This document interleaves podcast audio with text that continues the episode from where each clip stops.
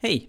Mikael från Jesusfolket här som är väldigt intresserad av att se Jesus Revolution på bio. Det här är ju en film som hade premiär i USA i februari, kom inte till Sverige. Jag skrev ett öppet brev till Filmstaden där jag ifrågasatte deras beslut att istället för att ta Jesus Revolution till Sverige så tog man skräckkomedin Cocaine Bear som handlar om en hög björn som dödar människor. Så eh, rubriken som Dagen satte på det öppna brevet eh, som publicerades som debattartikel där var Välj Jesus istället för knarkbjörnen. Och jag pekade på att det har gått väldigt bra för Jesus Revolution i USA. Det här är ju en film som handlar om eh, Jesusrörelsen på 70-talet när hundratusentals, om inte miljontals hippies blev kristna och eh, väldigt karismatiska kristna på det. De engagerade sig för fred och rättvisa, de engagerade sig mycket i evangelisation och det var en rörelse som även kom hit till Sverige.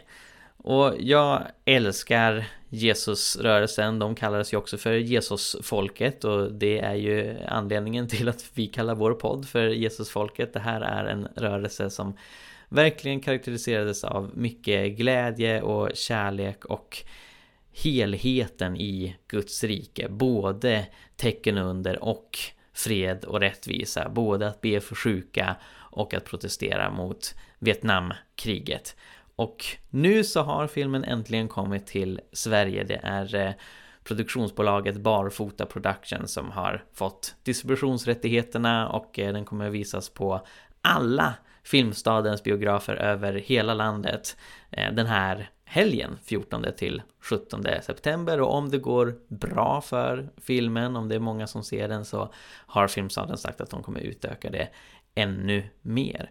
Och jag tänker att det här är ett jättebra tillfälle att ta med vänner, familjemedlemmar och andra Eh, som eh, inte är troende och visar dem den här filmen för att det man har kunnat se i andra länder där den har visats är att den har gått väldigt bra även bland människor som inte är troende kristna och att folk blir berörda. Människor har blivit frälsta efter att de har sett den här filmen, tagit emot Jesus som Herre i sina liv. Eh, folk har blivit helade efter att de har sett den här filmen. Till och med under inspelningen så eh, blev människor eh, övertygade om att Jesus är Herre. Så några av de dop som finns med i filmen i Stilla havet där Jesusrörelsen döpte massa människor det är genuina dop. Det var statister och eh, extras på plats på filminspelningen som sa nej men jag vill bli döpt på riktigt och så blev de det medan kamerorna rullade. Eh, så det här är en väldigt spännande film och som jag verkligen hoppas ska inspirera till en ny Jesusrörelse även här. Och som jag nämnde tidigare så var det ju så att 70-talets Jesusrörelse inte stannade i Kalifornien utan den spred sig även hit till Sverige. Och i det här avsnittet så kommer ni få höra min intervju med min gode vän Hans Sundberg som i flera år var min och Saras eh, pastor tillsammans med sin fru Lotta och sen blev jag och Sara deras pastorer och de är jättefina vänner som eh, drabbades av Jesusrörelsen på 70-talet i Uppsala. Eh, och Hans har så många vittnesbörd att dela med sig av. Eh, han eh, kommer dela med sig i det här avsnittet om fantastiska mirakler som Gud gjorde och också hur Jesusrörelsen verkligen drev fram evangelisation och också ett hjärta för fattiga och utsatta människor som är helt i enlighet med den bibliska Jesus och den tidiga Jesusrörelsen som vi läser om i Nya Testamentet. Och apropå att ha ett hjärta för fattiga och utsatta så vill jag också säga innan vi tar och lyssnar på min intervju med Hans att nu är det väldigt kris ute i världen på grund av att sommaren har varit den varmaste sommaren som någonsin uppmätts så har flera naturkatastrofer blivit ännu värre än vad de annars hade varit. I Libyen så har tusentals dött i översvämningar där.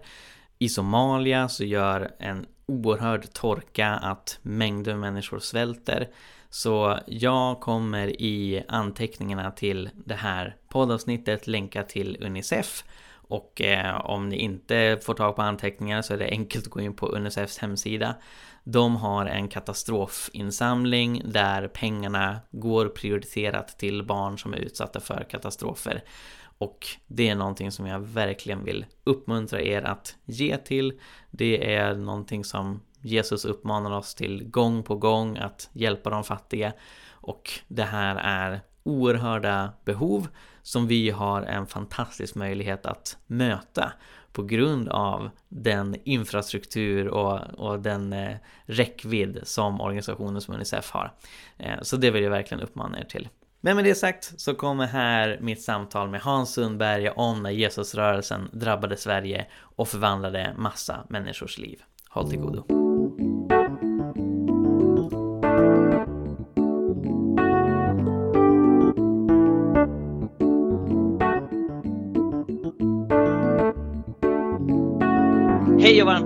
Till Jesusfolket allihopa. Mitt namn är Mikael Grenholm och med mig på länk så har jag Hans Sundberg. Varmt välkommen Hans.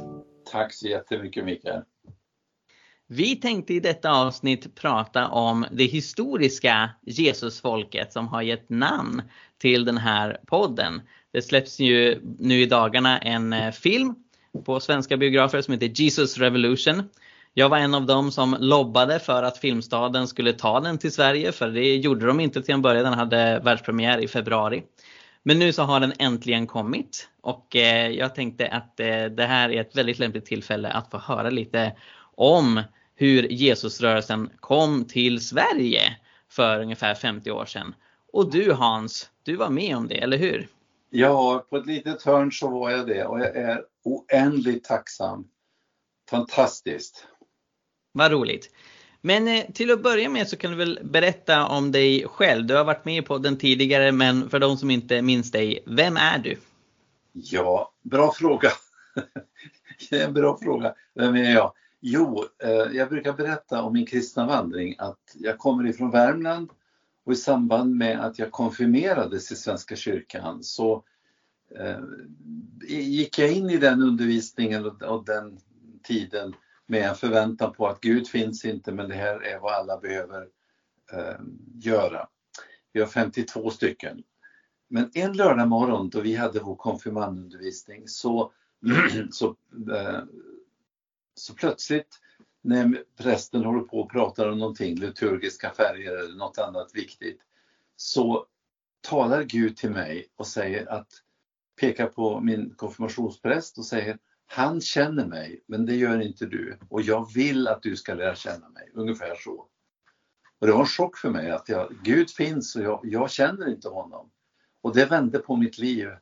Så jag började eh, söka i meningen att jag började be, jag läsa eh, Bibeln, jag började eh, ja, be och, det var ju förstås de skrivna böner i, i, den, i den tradition jag fanns. Men jättefint och, och så snabbt så fördes jag till en medvetenhet att jag tror inte bara på Gud utan jag tror förstås också på Jesus.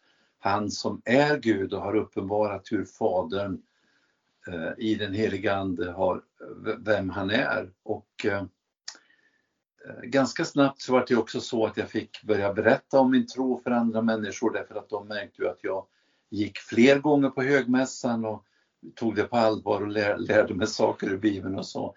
Så de ställde mig till svar, på vilken grund kan du vara kristen?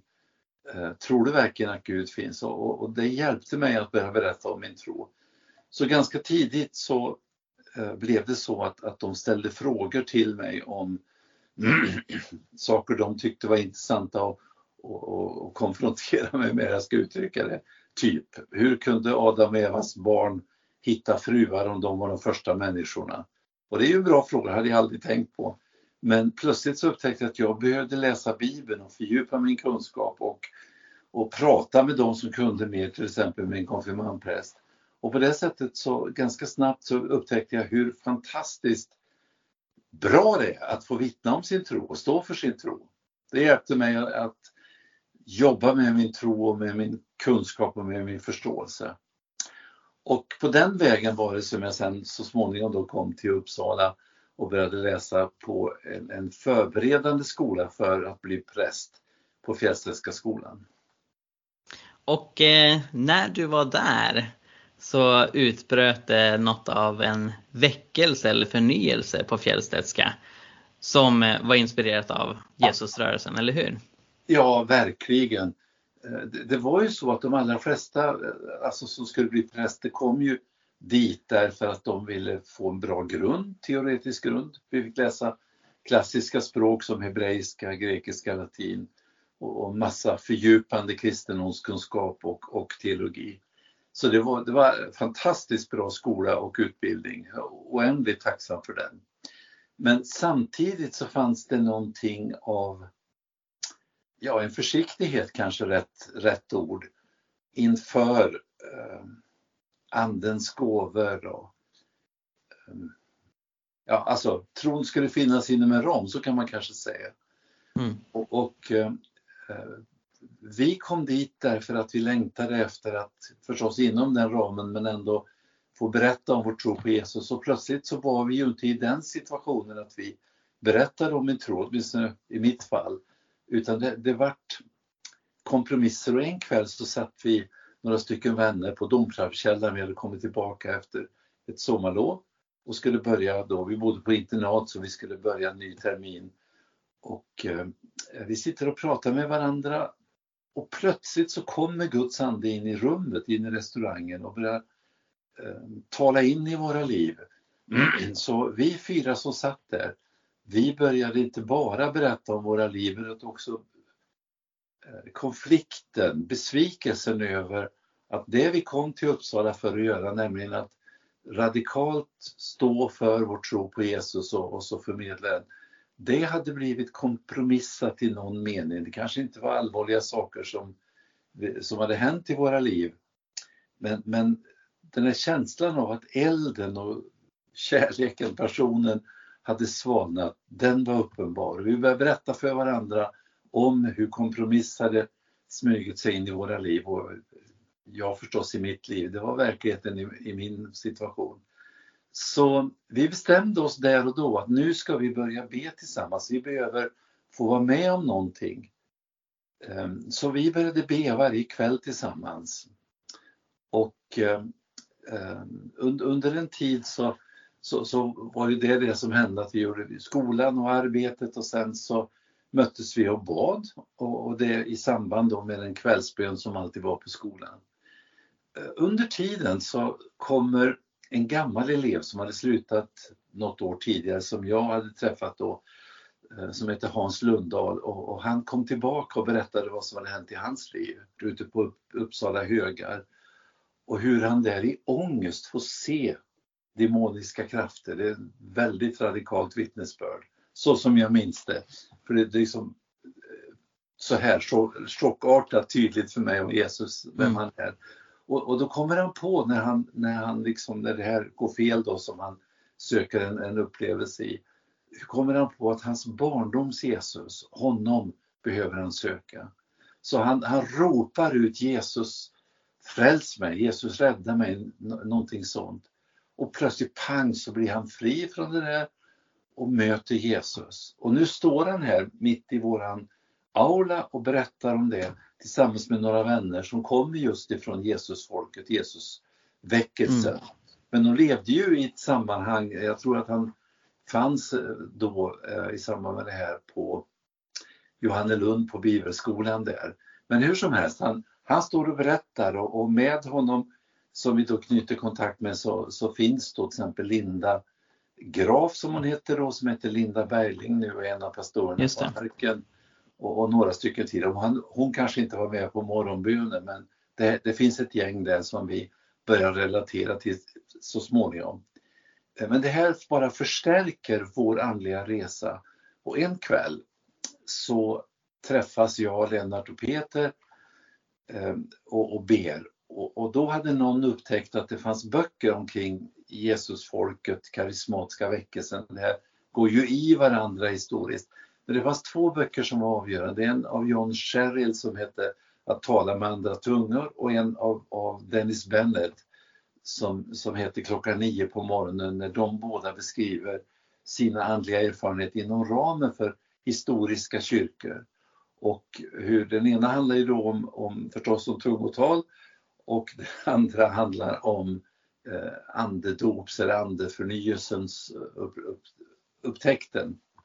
Mm. Och då hade någon av oss läst det där och så säger att ja, men vi ska inte be med våra skrivna böner nu utan nu ska vi be, och det hade vi börjat göra också, be med personliga böner. Och nu ska vi också, eh, hade han upptäckt där och i skriften då, att de la händerna på varandra. Och, så jag sitter där i Lennarts rum på Fjällstedtska skolan i ett hörn.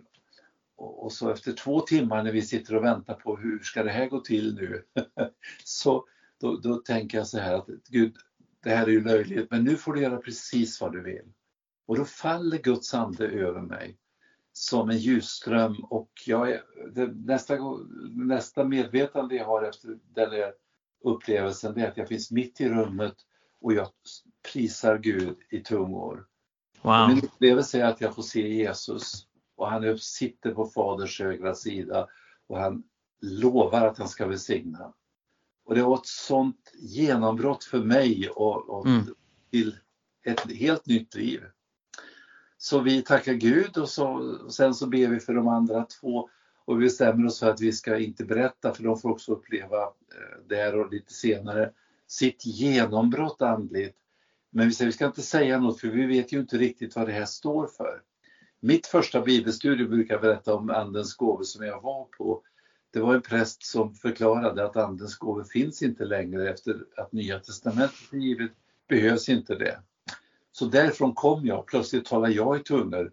Det var mm. ganska omskakande även om det var underbart. Men det var en ny teologi som behövdes. Så vi sa vi säger ingenting. Men det går inte många timmar eh, eh, på natten, jag får inte sova så många heller, men jag morgonbön. Jag träffar min vän Håkan Sulliden som bodde i grannrummet.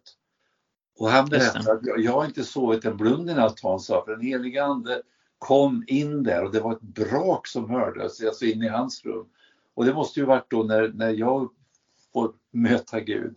Och då kommer den heliga ande, ande in, in till honom och sen så har han gått igenom alla mina synder som jag har gjort och tagit itu med dem.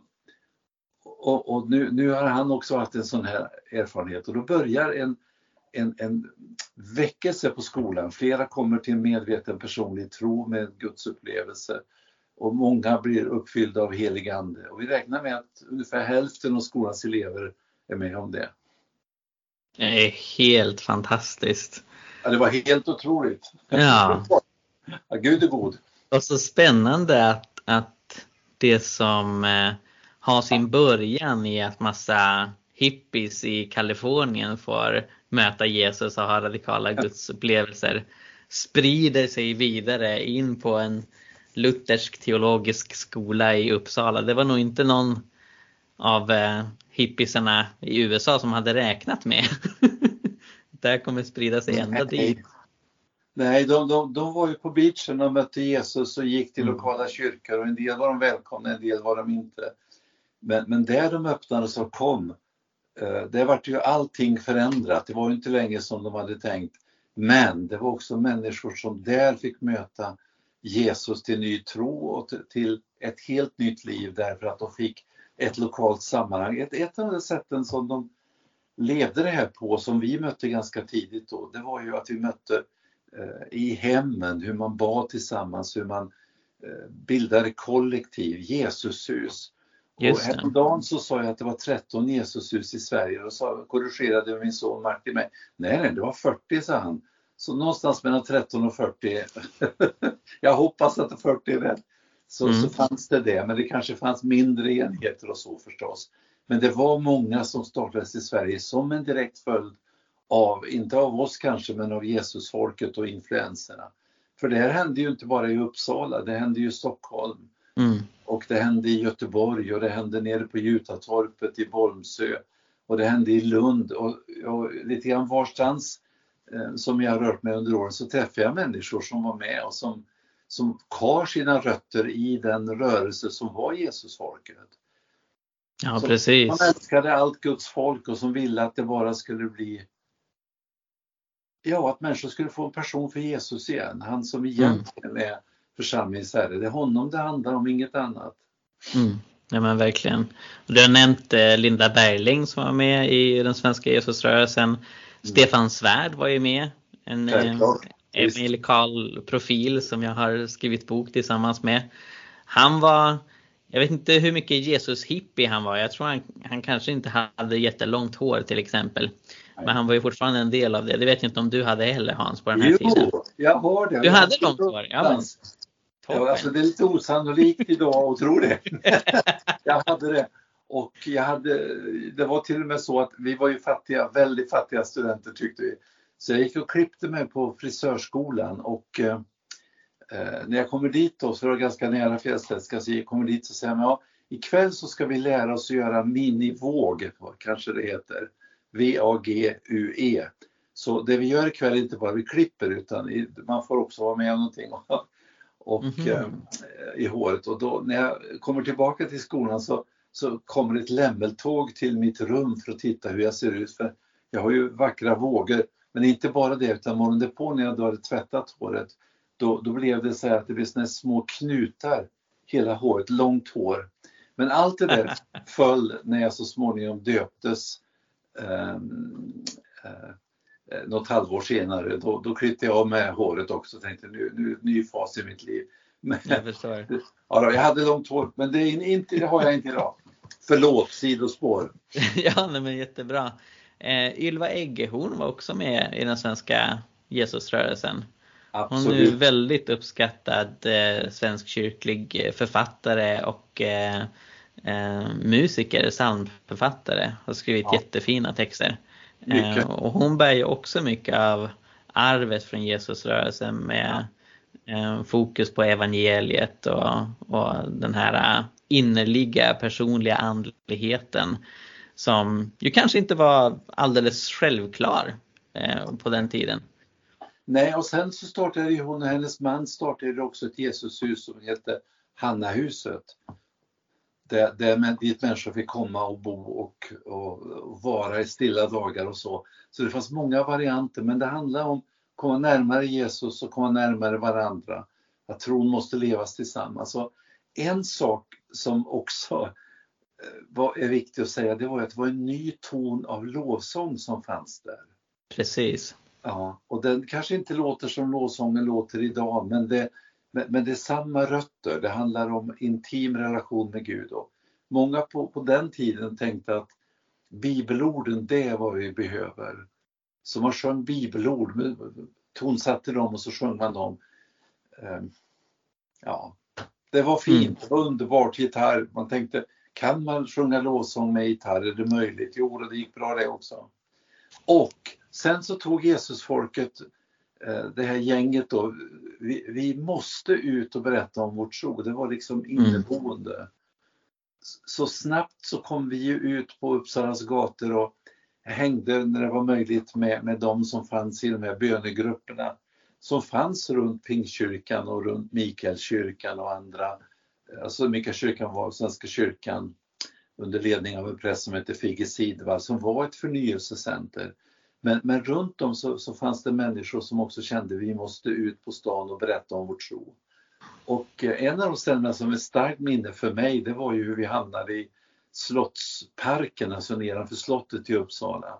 Och, och, där det fanns stora tält och där vi var i bön, mötte människor, eh, gick och gjorde det vi behövde göra vid sidan om, men då fanns det kvar där och så kunde människor komma och prata om sin tro. Och vi kopplades också till, till ett hus i, i Uppsala som heter Regnbågen som stod under Pingstkyrkans eh, ansvar och, och, stöd. Och där många människor fick sina liv förvandlade i möjligheten att få flytta in i en drogfri miljö och eh, få, få börja om sitt liv. Just det. Och en av mina vänner sedan den tiden heter Bengt-Göran Backman, pastor eh, i Kungsör fortfarande tror jag, även om han så småningom behöver, ja, inte behöver någonting, men han fortsätter att predika, har gjort det många, många år. Och, och um, han och jag döptes samma dag, men han fanns med där i regnbågen och med ut på gatan, så det liksom blev grenar ut av den här erfarenheten av Jesus, mm. av den helige Ande, av Faderns kärlek, men också av att alla kristna hör ihop och vi behöver ut och hitta vägar, enkla vägar till att människor får höra goda nyheter. Så vi var där. Men sen var vi också ute på gator och torg och mötte den tidens äh, så ska säga, sekulära väckelsevåg. Och det var ju eh, kommunismen.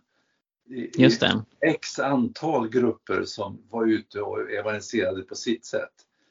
Mm. Frågan är hur mycket evangelium de hade att förmedla men de var, de var brinnande kan man säga. De ja, precis. Och vi tyckte om att möta dem. Det var, det var fantastiskt spännande. Ja.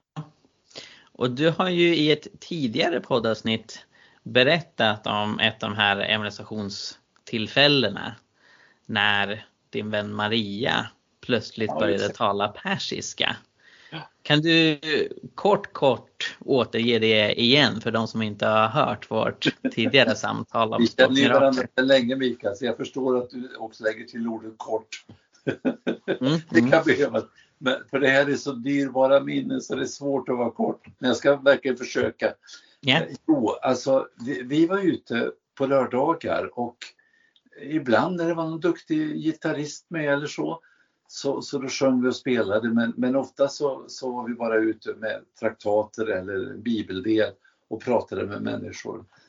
Och en lördag så är vi då på Sankt Pers torg och den heter Celsius torg nu, är det så? Jag tror att du har skrivit Celsiustorget, ja. Ja, mm. men, men, vi kallar det för Sankt Pers torg, spelar ingen roll, det är samma plats. Och när vi står där så kommer det en man och jag ser ju att det här är en man som är född i ett annat land och det visar sig att han kommer ifrån Iran, Persien, pratar persiska, vill säga farsi. Men eh, vi pratar på engelska, det visar sig att han är inte ute för att predika om, om Mao eller Trotsky eller någon annan utan han är där för att berätta om sin tro. Han är missionär för Bahai, en religion som har sitt huvudsäte i, i Haifa i Israel.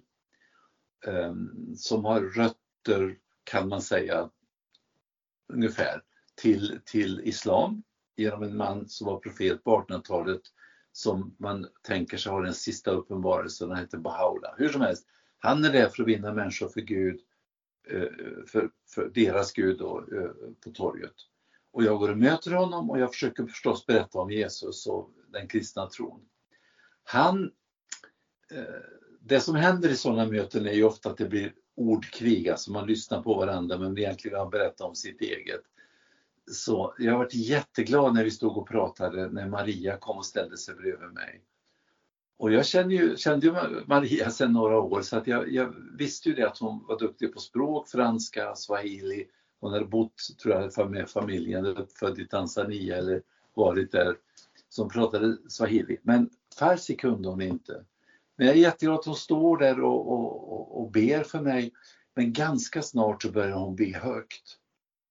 Och jag försöker ju ta bort äh, intresset från henne för Bibeln talar om att man ska eh, tungotalet ska inte liksom ta över samlingen så jag tänkte jag ska få dem att lyssna på mig men det är ganska snart märker att den här mannen hör att hon pratar ett, eh, att hon tar i tungor och jag blir ju ganska häpen när jag förstår att han han förstår vad hon säger. Mm. Alltså hon talar hans språk, hon kan inte ett ord av det. Utan helig ande är över henne och hon talar och, och jag bara häpen står och tittar på. Jag påstår att de hade ett samtal i ungefär fem minuter. Och jag, jag är ganska chockerad först över det. Jag har visserligen läst om det här i Bibeln, att sånt händer där den helige Ande är, är färdig. Men, men det här är första gången jag är med om det och de pratar med varandra och, och, det jag känner igen det är ordet Jesus, det kommer igen i det som hon säger. Så jag vet att hon berättar om Jesus, jag vet att han svarar men jag har ingen aning om vad de säger. Men till sist så, så avslutas det med att jag ser hur det ur hennes mun, som en inre bild, så ser jag hur det kommer som en pil som går rakt in i honom, in i hans hjärta och hur han sjunker ihop, träffad av det som hon har berättat, nämligen att Jesus är Guds son. Och det han erbjuder är liv till dig. Han mm. vänder sig om och så går därifrån. Och eh, för något år sedan när du skrev om språkmirakler, dokumenterade språkmirakler Mikael, då eh, kontaktade vi ju Maria och du också. Jajamän. Och jag ringde henne. Mm. Och då var det lite så här, jag tänkte, tänk om jag nu har missat allt det här. att jag kommer ihåg liksom så. Men, men hon berättade att jo, det var så Hans. Men hon var lite förvånad Mm. över, så var det du som stod bredvid mig? För hon var så helt fokuserad på att Gud ledde henne till att gå och berätta för honom om Jesus. Och, det var väl bra att jag stod vid sidan av, men det viktiga var ju inte det förstås, utan det var ju att, att Jesus var med. Och, och, ja. Men det var verkligen så. Och det här var Ja, en nej, märklig erfarenhet, men vi, vi, vi, vi såg Gud verka, vi såg människor upprättas, helas, fyllas med helig ande, tala nya i tungor, profetera. Det var underbart. Mm. Så åkte vi runt i världens sämsta bilar och hade möten någonstans när de bad oss komma. Det, det var trosäventyr dit och hem. Att det skulle fungera. Ont och pengar med mycket glädje och kärlek och roligt hade vi. Mm, mm. Ja, en rolig detalj som jag upptäckte när jag intervjuade Maria Kristensen som hon heter. Det var att hon sa till mig att hon hade egentligen inte velat gå ut och evangelisera den dagen. Hon ville hellre gå på bio. För vädret var lite dåligt och hon, hon tyckte det var motigt. Men, men så kände hon en dag, nej men jag ska göra det här. Och så fick Gud använda henne på ett så mäktigt sätt. För att eh, berätta evangeliet för den här mannen som ju egentligen var väldigt stängd men som blev öppen när han upptäcker att eh, Jesus gjorde ett mirakel där och då. Ja, verkligen. Och han hörde ju Guds röst till sig. Det, Mm. det, som, det som jag sen har tänkt på under de här åren sedan dess, det måste ju vara ja, 50 år sedan det här inträffade, ganska exakt, Mm. om ett år eller så.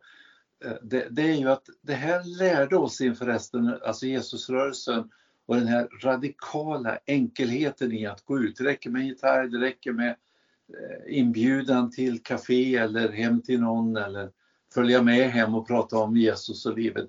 Det är ju att så enkelt var det att få kontakt och möta människor i Sverige med goda nyheter om kristen tro och förändrade liv och en ny gemenskap.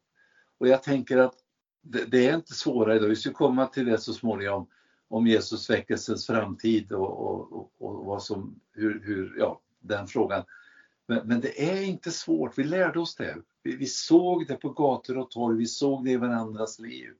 Och en av flickorna som jag pratade med när, när jag pratade om väckelsen på Fjällstedtska och då indirekt kopplingen till Jesusfolket som var med då eh, därifrån. Hon, hon berättade för mig att det var ju så att man gick ju aldrig någonstans utan att i väskan ha två biblar. Man vet ju aldrig om man kan behöva två, men två lite olika översättningar så man kan läsa båda och få en fördjupad förståelse. Två biblar med sig alltid, för det Mm. kommer alltid att behövas.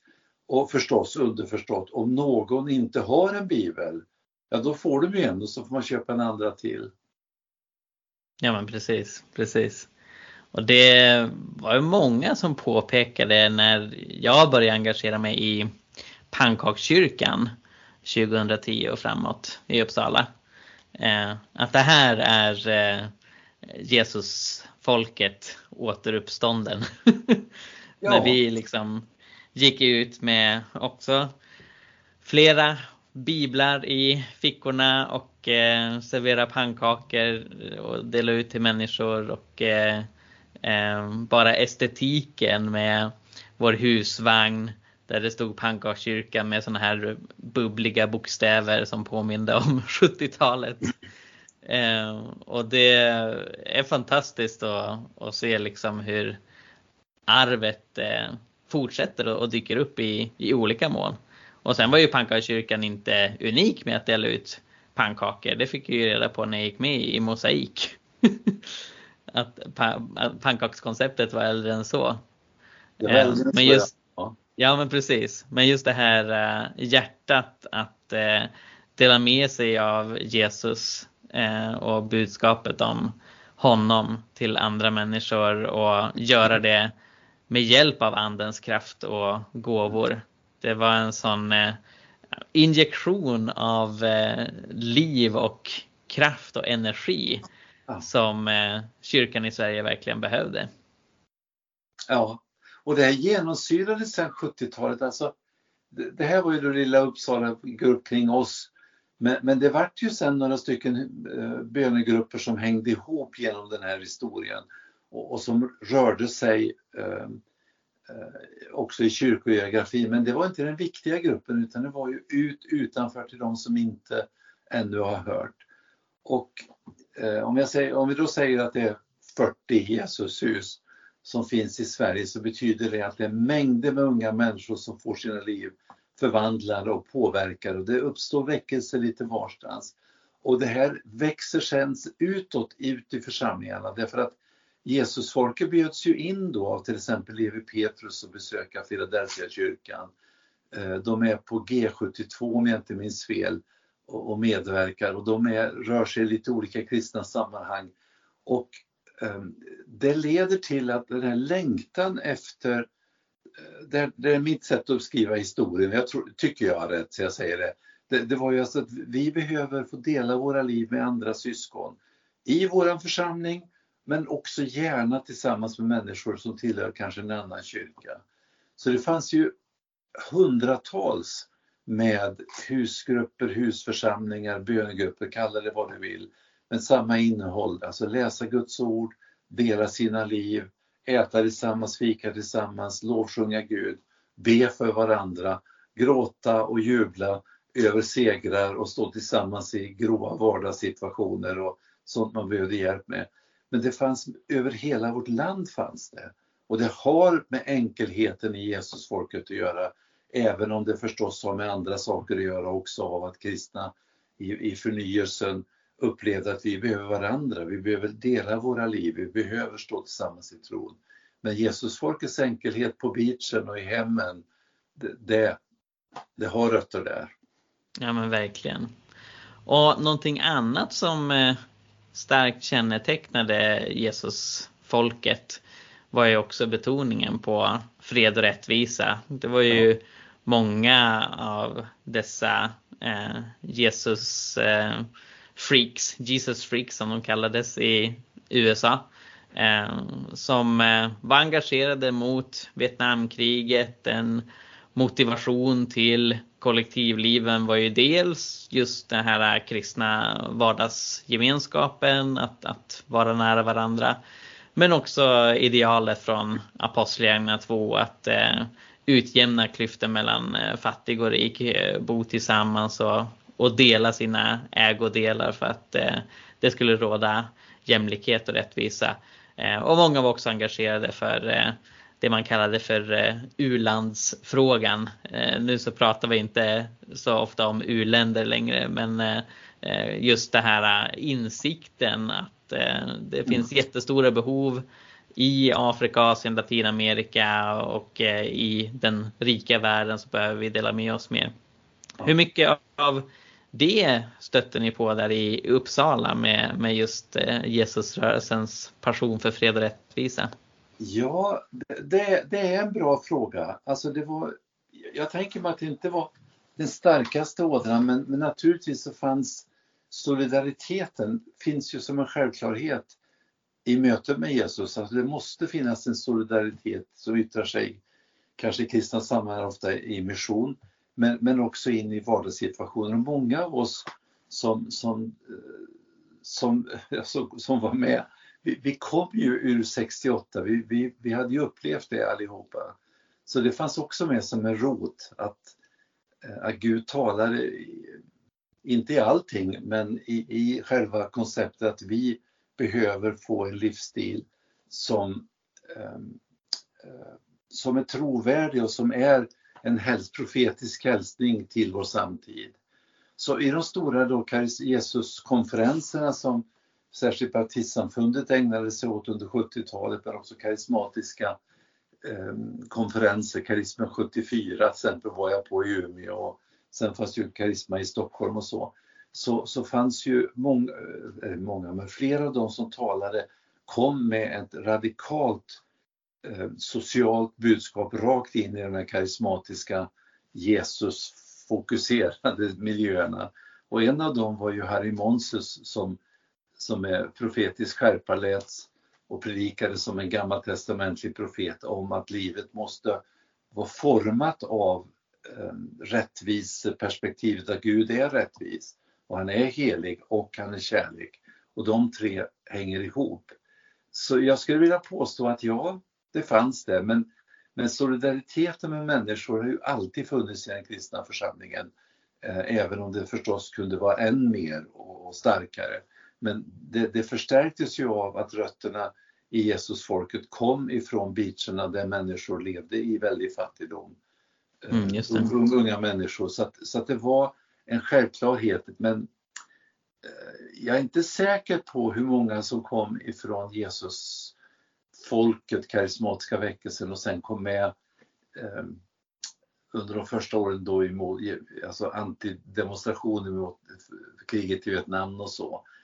Jag vet ju att det var en hel del kristna som gjorde det men, men, men alla gjorde det nog inte för det fanns en ton där som man, ja, eh, det finns en, fanns en koppling och finns en koppling till kristenheten i USA som gjorde eh, att alla var inte tydliga på var de stod och det tror jag också påverkade. Eh, påverkade. Så det, det här är ju forskningsämne Mikael att skriva om. men men, men ja. alltså att, att hjärtat var där, det, det är jag övertygad om för det yttrade sig i jag kommer inte ihåg vem det var, men var hos någon jag pratade med för en tid sedan som, som påminde om hur de hade öppnat sitt hem och tagit hem människor eh, som var behövande från gatan rakt in. Alltså det, det, var en självklarhet i det. Att stå för omsorg och kärlek till, till nästan. Inte alltid enkelt om man då människor med svår, svåra problem och så men, men, men hjärtat flödar över. Mm. Den politiska dimensionen tänker jag mig, alltså jag tänker ju högt som du märker, men jag, jag tänker mig att det fanns någonting i den som där, där befrielseteologi, alltså um, Latinamerika. Mm. Alltså att, att det fanns en spänning mellan karismatisk evangelikal teologi och um, befrielseteologin. Ja, jag, jag behöver tänka efter men, men det, mm. det var inte självklart tänker jag mig. Men däremot solidariteten och kärleken till nästan, det var en drivkraft. Och det behövdes ut på gator och torg. Ja eh, men precis. Men demonstrationer, alltså jag blir lite osäker för att använda det ordet, det, det mm. jag inte säga kanske. Annat än att individuellt gjorde man det men inte kollektivt. Just det, men det är jätteintressant. Vad säger du Mikael?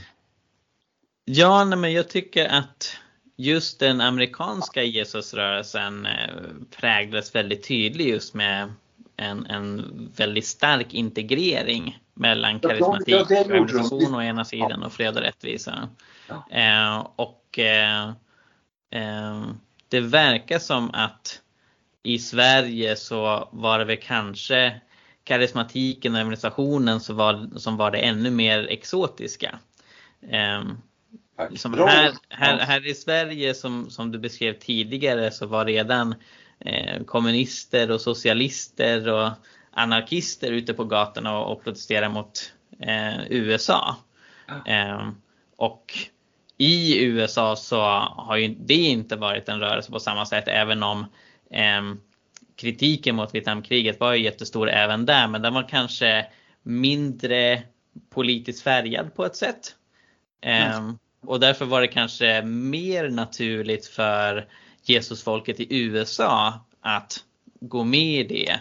Medan eh, i Sverige så var det väl kanske mer att, att den här äh, omsorgen om fattiga utsatta människor, passionen för fred och rättvisa som du säger var mer individualiserad, mer på det, liksom det personliga planet. Snarare att man liksom organiserar sig i, i, stora demonstrationståg om det. Och sen så kom ju med Jesusrörelsen Jesusmarscher som, som demonstrerade för Jesus.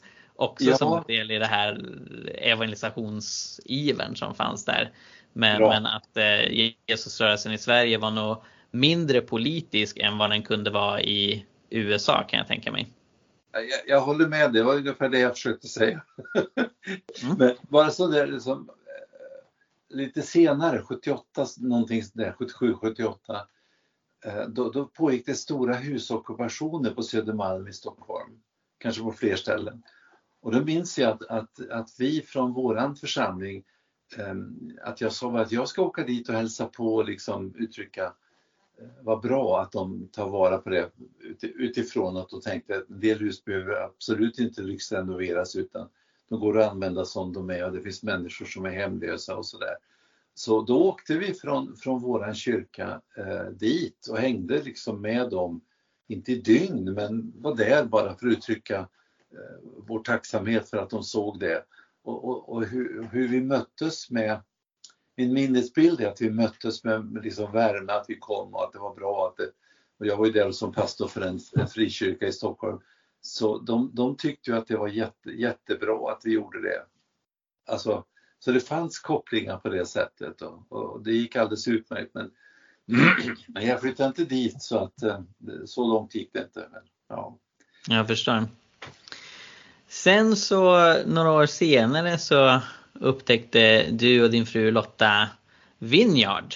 Ja. Och eh, då har du tidigare beskrivit för mig hur ni blev så glada av att känna igen Jesusrörelsens DNA i Vineyardrörelsen och för de som inte vet det så kommer Vineyard väldigt tydligt från Jesusrörelsen. Det var eh, en av de ganska få kyrkor som öppnade sina dörrar för Jesusfolket och flera tidigare ledare var präglade av Jesusrörelsen. Så vill du beskriva lite om, om det, er upptäckt av Vineyard? Ja, alltså i, vår, i vårt fall var det så att vi, vi, vi var ju båda baptistpastorer och levde i baptistsamfundet i olika församlingar och eh, i mitt fall och Lotta, min fru, eh, var skolpastor. Eh, så hon var ekumeniskt anställd överallt och jobbade mot eh, Svenska skolan med att försöka stötta kristna grupper men också komma in eh, på olika sätt, till exempel genom bibelvandringar och, och, och drama inför att möta eleverna. Och, ja, och då i alla fall så, så, ehm, så, så levde vi i en väldigt spännande och, och, och bra miljö. Men eh, vi, vi hade ju erfarenheter både av Jesusfolket och av den karismatiska väckelsen och vad det hade gjort i våra liv. Och det här med enkelheten och, och hur gudstjänstlivet kunde uttryckas eh, utan allt för mycket runt omkring utan bara hjärta, gitarr, dela, dela Guds ord, be för varandra och de, liksom le, leva ett liv tillsammans. Så när vi så småningom eh, kom i kontakt med, med John Wimber och Vinjard så skedde det genom att dels så läste vi, eh, eller så, så fick jag eh, berättas då och läste om David Watson, hur han, en engelsk kyrkoledare, evangelist, som kommer att betyda mycket för förnyelsen av kristen tro i Europa och framförallt då förstås Storbritannien hur han berättar om mötet med John Wimber och den församling som han möter då i Anaheim i, i USA, Kalifornien. Och det där känner vi igen. Eh, så sen när John Wimber kommer till Göteborg 1988 som sker eh, som en följd av hans besök i England och, och stora konferenser som har pågått eh, med John Wimber som huvudtalare. Det, syftet är hur att, att Jesus Kristus vill bli predikad utifrån Bibelns berättelser om hur evangelisation går till genom att man eh, Eh, går ut, betjänar de fattiga men också går ut och ber för människor och ber Guds rike bryta igenom in i deras liv, i alla deras livsomständigheter. Och hur det här kom att hända i de här starka, stora konferenserna i England. Eh, och då kände nordiska ledare att vi behöver bjuda in John Wimbers. han kommer hit 1988, han kommer hit eh, 1990, han kommer ut 1991 för att här, här gör Gud en, en, en, tillbaka till kyrkan en förnyelse av förväntan på att vem som helst kan vara med och be för människor och dela sin tro och betjäna fattiga genom att ge dem mat. Alltså everybody gets to play var ett av de där orden han myntade. Och allt det där känner vi ju igen när vi läser och hör om det. Så att då, då så är det annonserat i Norden att 1988 i Göteborg så är församlingar välkomna att skicka upp till åtta personer per församling. Men, säger Bertil Gärtner som var biskop i Göteborg, man kan inte komma om man inte har med sig pastorn eller prästen. Eh, för man vill stärka den lokala församlingen. Då vill man att huvudpersonerna i församlingen, eller den inre cirkeln, hur man ska uttrycka det, att de är representerade i de åtta som kommer, som högst får komma. Så eh, det åker ifrån en församling där jag är pastor i Bromma baptistförsamling, åtta stycken och jag är en av dem. Och, ehm, eh, så jag är med på konferensen i Göteborg fyra eller fem dagar eller vad det var och, och möter Gud och möter kristna som jag ju känner och känner igen den här gudslängtan som finns. Gud, du måste komma och hjälpa våra församlingar att vi får liv och att vi kan ge det vi, livet vidare. Konferensen hette Evangelisation i den helige Andes kraft. Så det var tydligt vad det handlar om. Och vi var, jag vet inte hur många vi var, men vi var mycket folk som var där. Och vi åker tillbaka och jag säger till Lotta, du måste åka Lotta eh, och vara med på en satellitkonferens som var i Katarina kyrka i Stockholm. Och där är då en man som kommer att bli en sorts storebror, mentor till Lotta och mig, Brent Drew och hans svenska fru Happy. Så Lotta åker dit och eh, eh, hon hade problem efter att hon hade fött andra, vårt andra barn Martin med sin rygg. Det hände någonting i samband med förlossningen. Eh, så hon blir botad där. Gud helar henne wow. på konferensen. Hon har haft det jättebesvärligt, typ var tredje, fjärde vecka, att hon blir väldigt stel och, i, i, kroppen. Och det är inte så enkelt när man har en tre eller fyraåring och en, ett, en bebis som håller på att växa fram, eller som växer, eh, att, att, ha det så. Så det var underbart praktiskt men också att Gud sträckte ut sin kärlekshand. Så vi kände igen vad som hände och, och kände att det här, det, här, det här behöver vi befruktas av, att återta saker som vi kände att vi, ja, som vi, som vi behövde återta och förnyas i. Så ganska tidigt så, så, så, så kom vår församling in i förnyelse eh, i det andliga området men också i, i, i, i lovsång och tro för att Gud skulle skapa en ny tid. Och då kände vi att vi behöver åka över till USA och vara där borta för att doppas i det här under lite längre tid. Och då vart vi inbjudna av Brent och Happy att komma och vara med på en pastorskola i, i Lancaster som ligger två timmar norr om flygplatsen i Los Angeles. Så vi, vi åker dit, skickade dit av baptistförsamlingen där i Bromma och är där i fyra veckor och kommer precis när Gud gör ett helt nytt skeende i Vinjars liv i en fördjupning av det profetiska. Så det här är precis den tiden när ehm, ett antal profetiska människor, profeter, kommer och, och fördjupar insikten om att Gud inte bara vill tala till oss utan han vill också leda oss i, djup specifik mening. Och just då hamnar vi där och det, det var livsavgörande för Lotta och mig. Och det kommer att utveckla vår relation eh, till Vineyard och till att ta människor, och, alltså mindre konferenser runt om i vårt land. Men också konferensen där Jan Wimber kommer hit 1991 eh, och vi har 15 ungefär konferenser över hela Norden som avslutas med en stor i Stockholm. Så jag vet inte hur många tusentals människor som, som eh, berördes av Jesusfolkets fortsättning för att Vineyard är den andra kyrkan, den första är Calvary Chapel runt, runt Chuck Smith och Vineyard är den andra kyrkan som startas utifrån Jesusfolket. Mm. Och det här är våra rötter. Jajamän.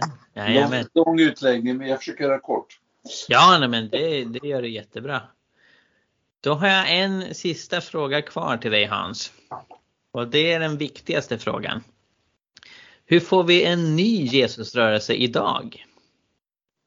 Jan Wimber svarar så här.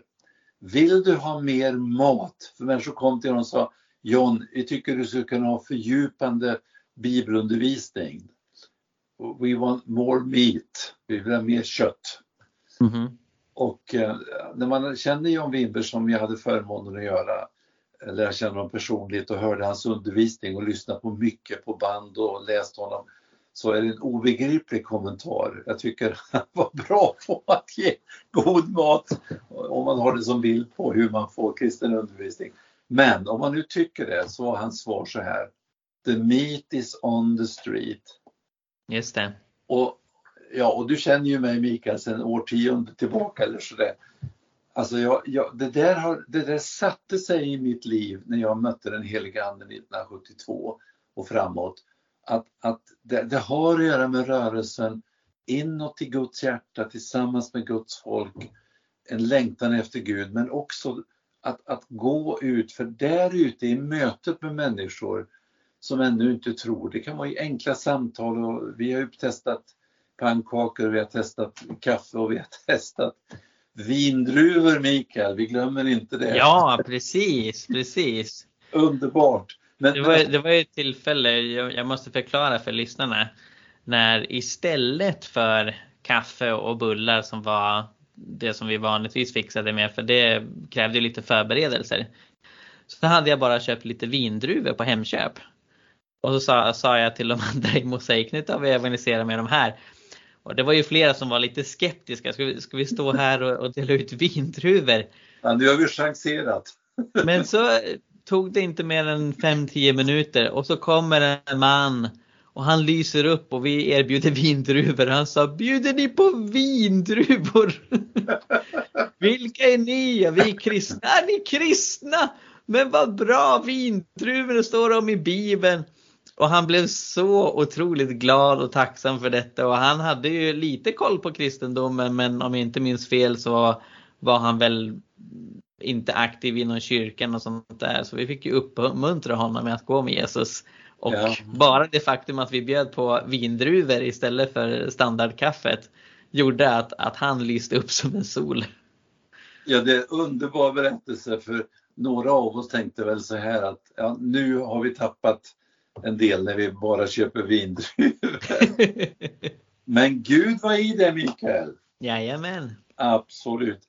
Ja, men alltså rörelsen utåt. För när du står där och när du berättar om din tro på Jesus eller du lyssnar på en berättelse om något svårt människor har varit med om och du frågar, får jag be till Gud för dig?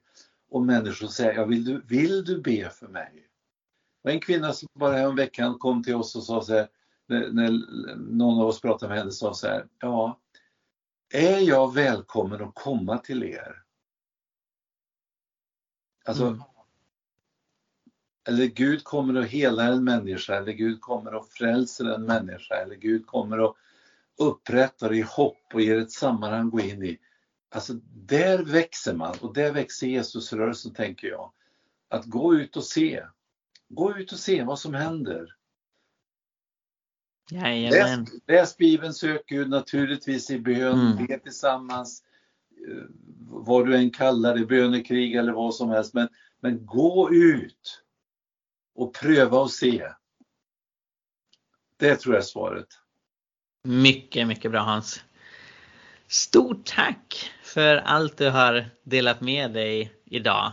Det här är så inspirerande tycker förstås jag, men jag tror även att många av lyssnarna verkligen uppskattar att få ta del av de här vittnesbörden om vad Gud har gjort i historien och vad Gud kan fortsätta göra även framöver för oss. Tack Mikael. Underbart. Gud välsigne dig och er. Detsamma. Tack så mycket. Tack Mikael.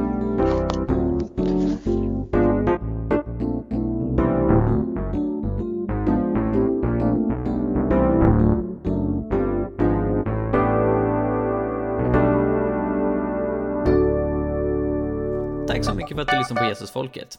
Om du vill höra mer så se till att prenumerera på iTunes, Spotify eller valfri podcastapp.